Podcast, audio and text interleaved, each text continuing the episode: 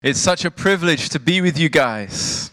It's, uh, it's funny, I came to Norway the first time in November last year. And I've already been here three times now. And I'm coming again in June and, and actually twice in June. But God, it's totally true. God has laid Norway and Oslo on our hearts. And we've just, it's just so much joy to be here. Um, I don't know if maybe some of you are the first time here like I am. And I just felt so welcome here. There is a joy in people's faces, and I just love that. When I see it, I know I'm with family, I'm with friends. And, but it's a joy that's not normal. It's a joy that you don't find uh, everywhere. And it's because when we meet Jesus, there's a joy that comes into us that goes beyond any circumstances. So when you look at, if you're new here and you look at people's faces, you're like, why? Why are they, why are they playing? And they're just, there's a joy. Why are their faces shining? It's because there's something that when we discover who we are and where we came from, and that there is an almighty God who made us, He just fills us with a joy that's just you can be in difficult times. You can go through hard situations, and it's this constant ground you stand on, and it's amazing. You know, when Jesus died and he came back to life, one of the first things he did was he walked into a room where his followers were, and the first words that came out of his mouth were, Peace be with you.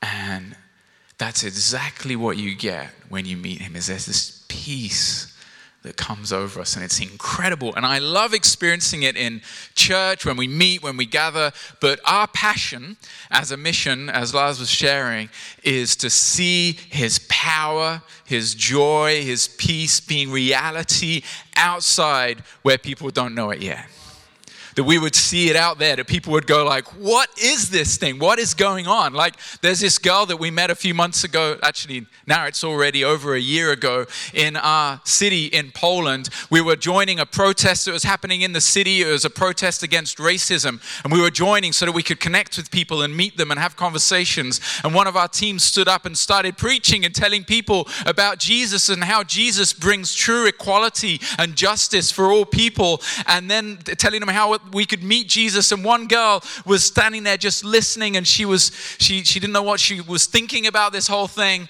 But one of our team went over to her and talked to her afterwards, and she said, "This isn't for me." I've experienced a lot of pain in my life, and whatever it is you're saying, it's not for me. But my wife said to her, Can I pray for you? And she said, Yes. And so my wife started praying for her, and she started to laugh and to cry at the same time because she was suddenly filled with this crazy joy, this thing that you can't explain. And she goes, What is happening to me? What's going on? And she goes, That's the presence of God. When you meet your creator, your maker, you suddenly know who you are, why you're here, where you're going. It's this peace, it's this joy. So she turned up in church the next day with a Red Bull in her hand because she'd been partying all night. And she didn't know that that's not the drink you bring usually to church. I mean, no problem with it. But she, you know, she came, sat in the front row with her Red Bull and listened to the preaching. I love seeing God move outside.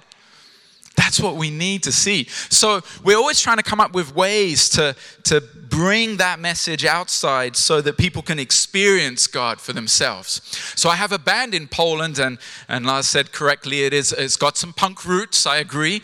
Um, we say we play riot rock, okay, because we like going on the streets and we like doing something a bit outside of the normal and getting people a bit rowdy and a bit chaotic. And then we start talking, because when we start our concert, I go and I stand in the middle of a public square and I say, Welcome, everybody. This isn't a concert, it's a protest. It's a protest against the lies that we've been told since the day that we were born, that we're here by accident that we are just the things that we buy, that life is just to buy stuff, get old, and die one day, that love is just a passing feeling, that you are just an accident, that you have no purpose, and that you are here all alone and you just have to figure out your life and who you are all on your own. All of that is a lie, and we're here to protest against this right now. And then everybody's going, Yeah, come on, it's a protest, and they're all gathering around and they're joining in the music and dancing dancing and going crazy. And then in between each song, we're talking about loneliness, depression. We're talking about broken relationships, about how we don't know how to connect really anymore, and about how we're all trying to figure out why we're here and who we are and our purpose. And we just can't figure it out because there's something missing. There's something wrong. There's something not right. And then I say, you know what we're missing? We got to go back to our origins, where we came from. We got to find out who made us. And He is a living God and a loving Father, and He's alive and real and in this place right now. And He loves you. and we'll do. We don't play in churches usually because they don't like our music so much. But we, we play on the streets, we go to festivals, we go to clubs, and we see people coming to Jesus. Like this one guy, Pavel from Poland. He came to, a, we, had a, we had different bands playing that day, and mine was one. And, and he came and he listened to the message um, he didn't know that it was a Christian thing, right? We like surprising people. We're not tricking them, we're just surprising them, you know? And so they come, like a friend had invited him, and he came along, and then he was like, wow, but he was so impacted that he was in tears at the end of the, the concert. And so we went to talk to him, and he said, I, got it, this is not for me. I'm not religious. I don't like this stuff. And, and he's just been in tears, but he's still saying it. I don't want it. I, I can't believe it. And so it's not for me. And we were like, okay, cool, no problem. Uh, can we pray for you? Sure. We prayed for him. He went home. The next day, we were playing in another part of the city, different area. And as we're playing, randomly, Pavel appears and he's like, What's going on? You guys are here again? Is, um, we're like, Why are you here? And he said, I live near here. And I was walking by, I heard the music, and I came, and it's you guys again. We're like, yeah. So he sat and he watched the concert again. And he cried again at the end. And so again, we said, Hey, do you, do you want to know God in this way? And he was like, No, this is not for me. I don't want it. You know, God doesn't, you know, I've been through a lot in my life. I think God doesn't really care about me. If he exists, it's not for me. And we're like, That's fine, no problem, Pavel. And we just prayed for him and he went home. And the next weekend, we were playing in another city, 400 kilometers away. And as we're setting up our concert, Pavel's walking down the street with a hot dog in his hand. and we're like, Pavel, what are you doing here? And he's like, he just paralyzes. He's like, what is going on? Why are you here, Pavel? He's like, I'm on a work trip. I had a meeting. I'm just eating a hot dog. so he stays and he watches our show again. Again, he's in tears, broken. And then we say, Pavel, how about you want to meet God today? and he goes, I can't explain this. This is so weird. This is it's not a coincidence. How is it possible? Three times I have to see this thing. so he gave his life to Jesus. Yeah. And uh, he he went to a church. He caused lots of trouble because he asked questions all the time and it was very difficult. And finally, he got baptized about six months later and he's firm and strong there in his faith. Because God runs after us all the time. He comes after me, after you every day. He's reminding us, I'm here, I'm alive, come on. I want to see God's power moving outside the church. I want to see it out there on the streets. I want to see it in the universities, in the schools, in the public places. I believe we are called to make Jesus public again. Because we're in this secular society that has told a lie. Spiritual things, spiritual truths, nobody knows the answers, so don't talk about it. Is there a God? Nobody knows. Don't talk about it. And so it's been shut out of public life. But when I read the New Testament church, I see a church that made Jesus public all the time and they were always in trouble because of it. You know, having a riot rock band is very biblical because these guys were always causing riots, right? You read Acts, it's like one riot after the other because they kept making Jesus public. So the, the followers of Jesus, the disciples, are in Jerusalem and they're preaching in the marketplace and in the public places and they're getting in trouble because of it and they're getting put in prison and told, stop doing that. And then they go out and then they do it again. And it just over and over. And then, you know, Paul turns up in this big, amazing Greek city of Athens and he's talking in the marketplace and he's talking so much and so loudly about God and about Jesus that they call him a parrot. They say he talks too much, he's a parrot. And then the philosophers say, Do you want to come to the Areopagus and tell us about this strange new story of, about a God who died and rose again? And so he goes and he preaches in the most public place in the Areopagus so that people could hear. And so many people find Jesus that way. I want to see God's power moving outside the church. I want to see Jesus made public again in a clear way, in a relevant way. We need to show people, you know, people need to be able to stop and think again and go, well, maybe this whole religious thing, I don't have it figured out yet. Maybe there's something to it that I don't know. But how? How can we do what those guys did? How can we make the gospel public again?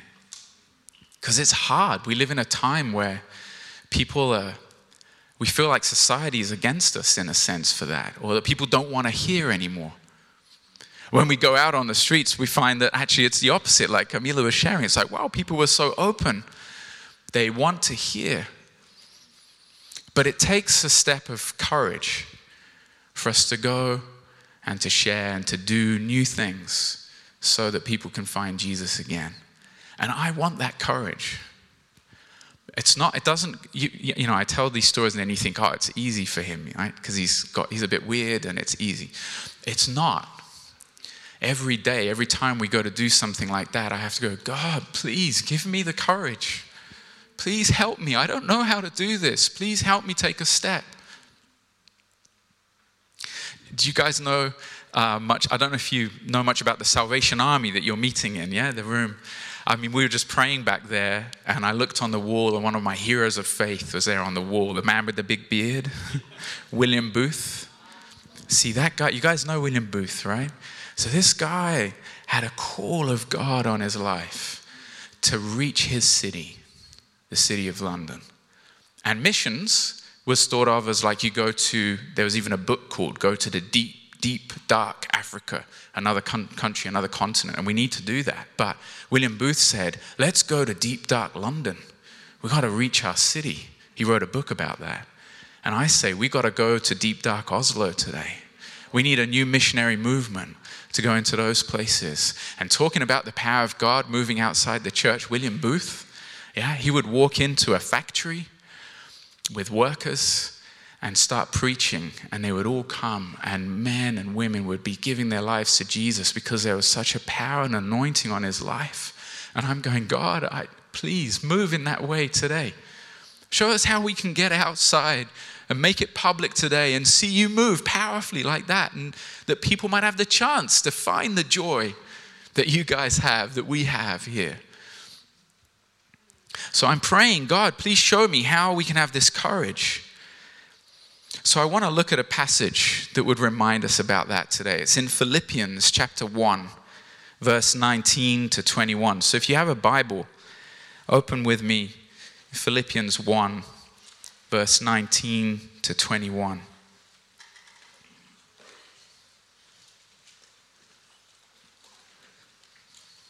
Philippians 1 19 to 21 says this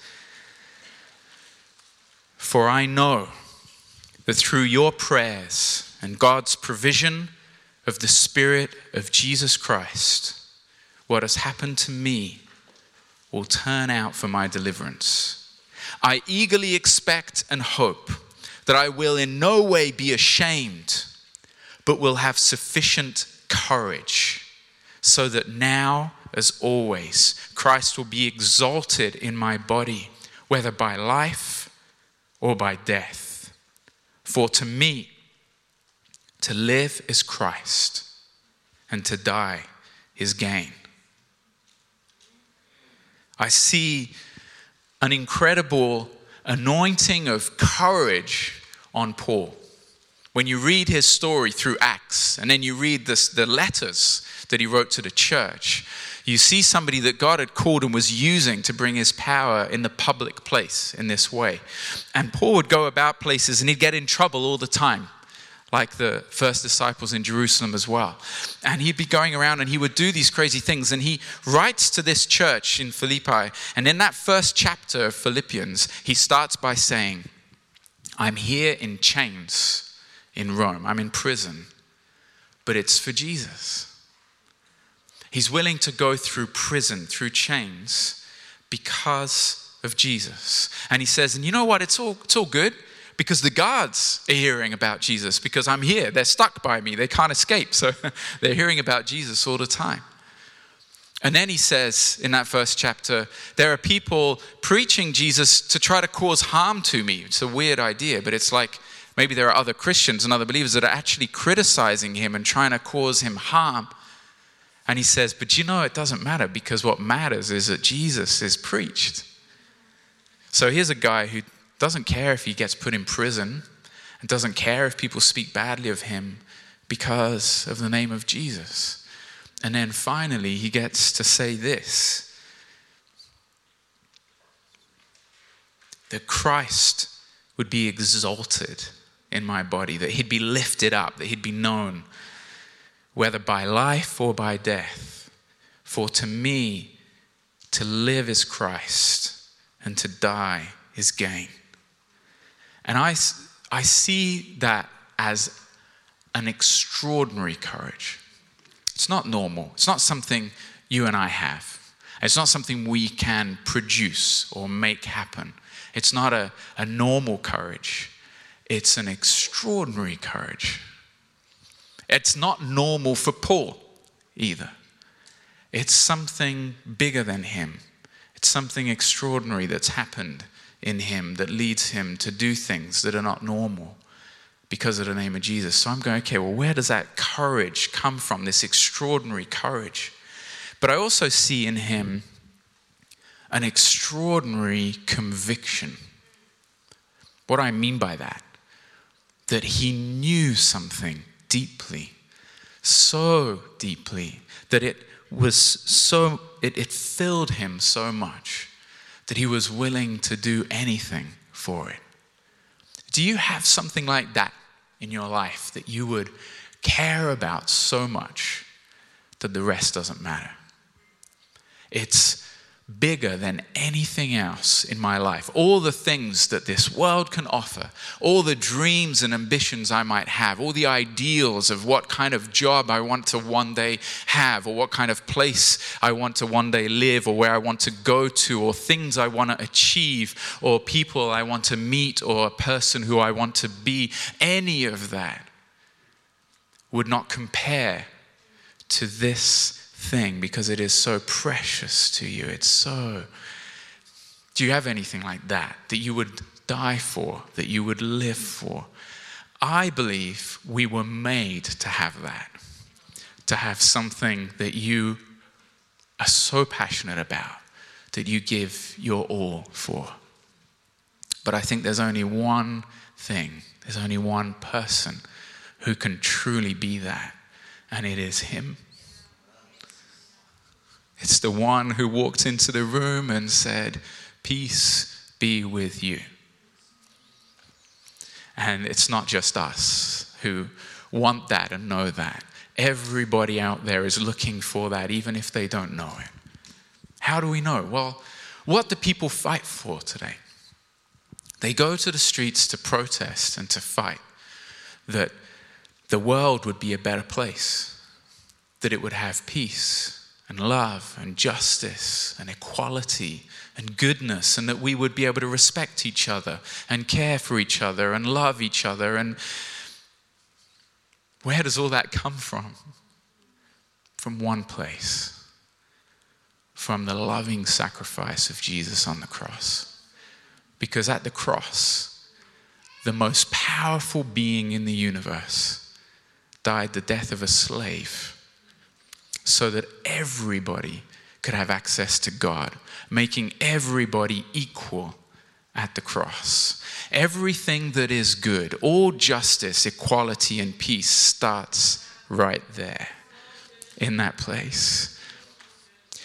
We can so often get tired of life. Life is tiring. You get tired of the busy lives we try living in these cities. We get tired of our work, of our studies, of all the things we have to do. We can get tired of trying to be a good family or be a good person or look after our kids and figure life out and figure out who am I and what am I supposed to do with my life and all these things. And we can be exhausted by life. But there is one thing that I am never tired of, and it is Him. It is the goodness, the peace, the purity, the justice. Everything that is good comes from Him. And that was the conviction that Paul had. He knew that truth and he wanted it to be known. And with that, he took it everywhere. So I'm praying, God, could you please give me that courage? Could you give me that conviction, that knowledge, that deep seated knowledge that there is one thing that is more precious than everything in this life? That I could say, for me, He is life and death, that He is bigger than all of that. For me to live is Christ and to die is gain. How could I ever get to that place? How can I know that? I said, it's extraordinary. It's not something normal. So, where does it come from? Verse 19 For I know that through your prayers and God's provision of the Spirit of Jesus Christ, what has happened to me will turn out for my deliverance. He knows where his courage comes from. Paul asks for prayer that you'd make me that I'd be full of courage, and he says, because of the Spirit of Jesus. Jesus didn't leave us orphans. He didn't say, go and figure it out all on your own. Go and pluck up the, the courage. Produce in yourself some courage and some conviction to do something to change this world. He says, let me fill you and I'll give you courage. I'll give you conviction. And so our part is not to make ourselves feel something or be ready for something or do something. Our part is to surrender and say, Jesus, I don't know it all. I don't know how to make your name public again. I don't know how to reach my city. I want to see my city reach just like William Booth reached London, but I don't know how. So please just fill me with your spirit and fill me with courage. Fill me with that knowledge. Put it in my heart. Teach me it. It's a surrender. It's say, Jesus, please do that in me. I have friends that encourage me, and I look to them and, I, and, and, they remind me. So there's this one young guy from Kiev. Um, his name's Dennis. And uh, he always encourages me because he comes up with these crazy ideas. And he, uh, well, it wasn't just him, but there's this whole team from Ukraine decided when the World Cup happened in Moscow to go there with loads of teams and spread out around the city and do what we did yesterday in Oslo right? So, but the crazy thing was, you know, the, the law in Russia does not permit that. Okay, so there's these young guys and girls going all over the streets in Moscow and doing flash mobs like the one Camila told you about with the masks and all of that, and praying for people and preaching Jesus in a place where it's not even permitted.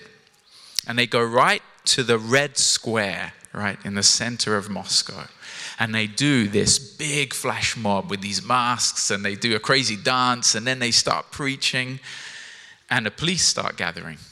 Yeah? So they come and they're watching these guys. And one of the police officers came over to Dennis and he says, You can't do this here. And he said, Why not? It's the World Cup. a police officer says, You know, you can't do what you're doing here. And he says, Why not? Look, there are other people, there are artists and buskers and other people doing things on the street. Why can't we do what we're doing? And the police officer said, Because you're gathering too many people. And Dennis said, Well, maybe what we're saying is more interesting. so the police officer laughed and he said, Take a break and then you can do it again. And the police stood by while they repeated it five times in Red Square flash mob, preach Jesus. Flash mob, preach Jesus. And when I see those stories, I'm like, yes, I want that courage. I want that conviction that that is what life is about. That's what we're supposed to do. That's why we're full of joy. And I want people to know. And I want Jesus to be public again. But I'm honest with you, every day I've got to be reminded of it. We all have the Spirit of Jesus here. If you follow Jesus, you have the Spirit of Jesus. But Dwight Moody said this Oh, brothers, we are leaky vessels.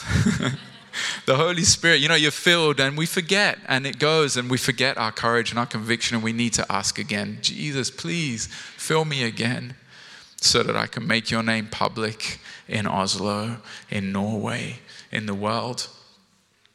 I'm convinced, uh, last thing I want to say, I'm convinced that there is a call of God on Norway. Uh, over many decades and centuries, Norway sent missionaries all over the world. And I believe there is a call of God on Norway to be at the front line of bringing the truth about Jesus to a secular society today, to a society that's forgotten God.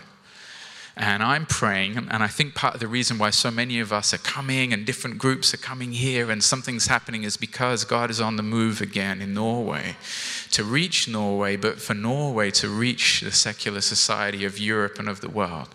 And so I'm asking God that He would raise up a missionary movement here. But for that to happen, we've got to be filled again with the Spirit.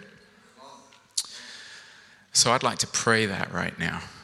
And I told you I like riots and I like protests, so I'm not very normal. I'm going to do something not normal here. I'm going to kneel and I'm going to ask uh, Jesus to fill me with the Holy Spirit again. And uh, if you're a bit weird like me, or you're feeling some courage right now, you can come and join me and kneel as well up here, and we can ask Him to fill us with His Holy Spirit. And if that's not cool for you, that's totally fine. You can stay where you are. But if you uh, would like to make kind of a physical stand symbol and just kneel and say, Jesus, I really don't know how to do this, and I need your Holy Spirit, and you're asking Him to fill you again, then you can join me in this way. Hmm. You know, Jesus will still move even when you're sitting in your seat, so don't worry about that. He'll still do that in your life. But there's something about marking it. There's something about saying, Jesus, I'm here with my mind, my soul, and my body, and I'm saying, I surrender, and I'm asking you to fill me with your Holy Spirit.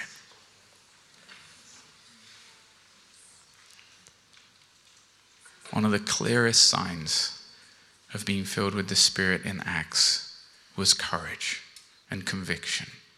Acts 4. They gathered and they prayed and they said, God, you see the threats, but we ask, fill us with your Spirit. Make us bold to keep preaching the message. And they were filled with boldness and they preached the message. So, Jesus, we, before you right now, we're just simply asking, please fill us afresh with your Holy Spirit. Pour courage and conviction into our hearts. And prepare us to make your name public again. Fill us right now, Lord Jesus, I pray.